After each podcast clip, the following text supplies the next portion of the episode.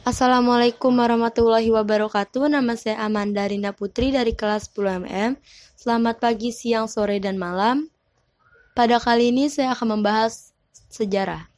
Sejarah yang saya maksud adalah sejarah dari peninggalan sisa-sisa penjajahan di Jepang. Bukan sejarah bersama mantan, karena sejarah bersama mantan haruslah kita lupakan dan kita hempas jauh-jauh. Menghapus tinta pernah di kanvas hatiku Oke, jadi pada tahun 1942, Jepang melakukan penaklukan terhadap Asia Tenggara.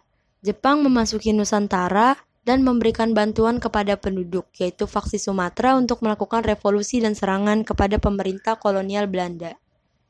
Belanda yang sebelumnya sudah diduduki oleh Nazi Jerman pada awal Perang Dunia Kedua akhirnya kalah dan memutuskan untuk menyerah. Dengan demikian, pada tahun inilah Jepang mulai melakukan penjajahan di Indonesia. Tiga setengah tahun berikutnya, penjajahan Jepang berakhir, tepatnya pada tanggal 17 Agustus 1945, yaitu hari dibacakannya proklamasi kemerdekaan Indonesia oleh Soekarno dan Muhammad Hatta atas nama bangsa Indonesia proklamasi kami bangsa Indonesia dengan ini menyatakan kemerdekaan Indonesia. Hal-hal yang mengenai pemindahan kekuasaan dan lain-lain diselenggarakan dengan cara saksama dan dalam tempo yang sesingkat-singkatnya. Jakarta, 17 Agustus 1945 atas nama bangsa Indonesia Soekarno Hatta. Dari penjajahan ini, penduduk Jepang di Indonesia meninggalkan beberapa peninggalan yang dapat dijadikan sebagai tempat wisata yang menarik. Ya, berikut ini adalah tempat wisata yang menarik dan terkenal dari peninggalan-peninggalan Jepang. Yang pertama adalah Benteng Jepang. Benteng Jepang atau The Japanese Fortress terletak di pusat kota Kosa, Fakfak, Papua Barat. Benteng ini adalah satu dari sekian banyak benteng Jepang peninggalan Perang Dunia Kedua yang masih bertahan. Benteng ini dibuat dengan cara menggali gua di bawah bukit di tepi pantai. Benteng ini memiliki tiga gerbang dan sebuah ruang bawah tanah atau bunker yang dihubungkan terowongan sepanjang 138 meter. Wah, panjang banget kan tuh? Dulunya benteng ini digunakan sebagai tempat berlindung dan persembunyian bagi tentara Jepang. Selain disuguhi lorong menakjubkan yang ada di bawah benteng ini, Wisatawan juga akan puas melihat pemandangan indah laut dari mulut gua yang menghubungkan benteng ini. Untuk mencapai benteng ini, memang dibutuhkan perjalanan yang cukup memakan waktu. Pasalnya, benteng ini hanya bisa dicapai dengan menggunakan perahu dari kota Fakfak selama 4 jam. Naik perahu aja 4 jam. Berarti kebayang dong itu jauhnya. Ya, yang kedua adalah Goa Jepang atau Bukit Tinggi. Gua Jepang terletak di pusat kota Bukit Tinggi. Gua ini lebih tepatnya merupakan bunker yang dibangun oleh Romusa atau pekerja paksa Indonesia atas perintah Jepang. Bunker ini dibentuk goa bawah tanah sepanjang 1470 meter dan berada 40 meter di bawah ngarai Sionok. Bunker ini memiliki 20 terowongan yang dulunya digunakan untuk menyimpan amusi, tempat meeting, tempat makan Romusa, dapur penjara, ruang penyiksaan, ruang-ruang penyerangan, dan gerbang untuk melarikan diri.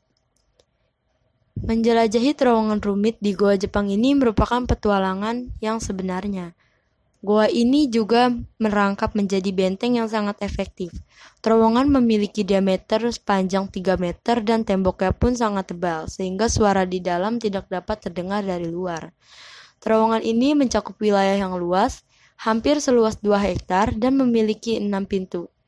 Satu pintu terletak di Taman Panorama, sementara yang lain di desa yang terletak di bawah jurang Ngarai Sionok. Namun, mengingat proses pembangunan menggunakan sistem kerja paksa, hampir seluruh goa Jepang di Indonesia menyiksa kisah kelam dan berbau mistis.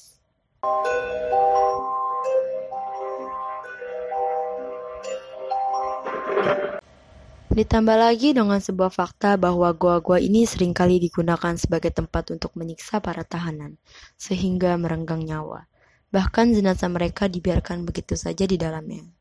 Ya, sekarang saya akan menceritakan atau membahas tentang gua-gua mistis dari peninggalan Jepang. Yang pertama, Bali.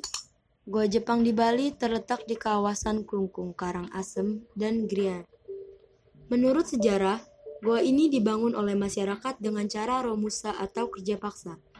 Fungsinya untuk benteng pertahanan sekaligus tempat penahanan bagi para pribumi atau orang-orang Indonesia. Terhitung sudah banyak orang yang ditahan dan disiksa sampai mati di tempat ini. Akibat sejarah kelam tersebut, gua Jepang yang memiliki kedalaman 15 meter itu konon menjadi rumah bagi sejumlah makhluk halus. Berdasarkan penurutan penduduk lokal, mereka sering melihat sosok penampakan manusia dengan tubuh yang terluka parah. Ada juga yang menyerupai siluman berwajah menyeramkan. Yang kedua yaitu di Bandung. Siapa sangka kota Bandung juga memiliki saksi bisu kekejaman penjajahan Jepang. Gua Jepang di Bandung dibangun pada tahun 1942 dengan fisik dan bangunan yang sangat kuat. Lokasinya berada di Taman Hutan IR Juanda di Bukit Dago Pakar, Bandung. Sama seperti gua-gua Jepang pada umumnya, tempat ini juga digunakan sebagai tempat persembunyian dan sel tahanan. Menurut pengakuan warga sekitar, mereka sering kali melihat penampakan hantu-hantu menyerupai orang Jepang yang berkeliaran di dekat gua. Suara-suara teriakan misterius pun kerap senter terdengar hingga membuat bulu kuduknya merinding. Nah selanjutnya gua di Manado, beralih ke Sulawesi, kota Manado yang dikenal dengan kuliner dan keindahan alam yang begitu eksotis ternyata juga memiliki peninggalan gua Jepang. Selain digunakan sebagai tempat penyiksaan dan sel tahanan, gua ini digadang-gadang dapat menimbulkan efek ilusi. Percaya atau tidak, banyak pengunjung yang menyaksikan langsung bahwa gua ini memiliki dua lubang. Padahal setelah mereka lihat secara seksama, gua tersebut hanya memiliki satu jalan masuk dan sedikit pula yang pernah mengalami kejadian-kejadian mistis saat mencoba masuk area goa ini. Yang selanjutnya adalah Bukit Tinggi. Seperti yang kita bahas tadi, Bukit Tinggi juga termasuk goa-goa yang terkenal dan menjadi tempat wisata. Lubang Jepang di Bukit Tinggi Sumatera Barat ternyata juga menyimpan segudang kisah mistis yang menyeramkan pada masanya. Lubang Jepang digunakan sebagai terowongan atau bunker pertahanan yang dulu beroperasi sekitar tahun 1942 silam.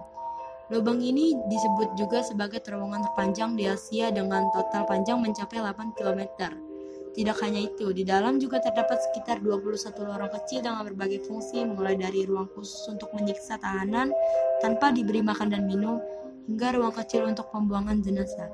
Hingga saat ini, belum diketahui secara pasti berapa jumlah korban meninggal akibat pembangunan lubang tersebut karena melalui proses romusa. Ya itu dia sekian dari saya. Kisah-kisah dari sisa-sisa peninggalan di Jepang yang berbau mistis. Ya siapa tahu kita bisa ke sono.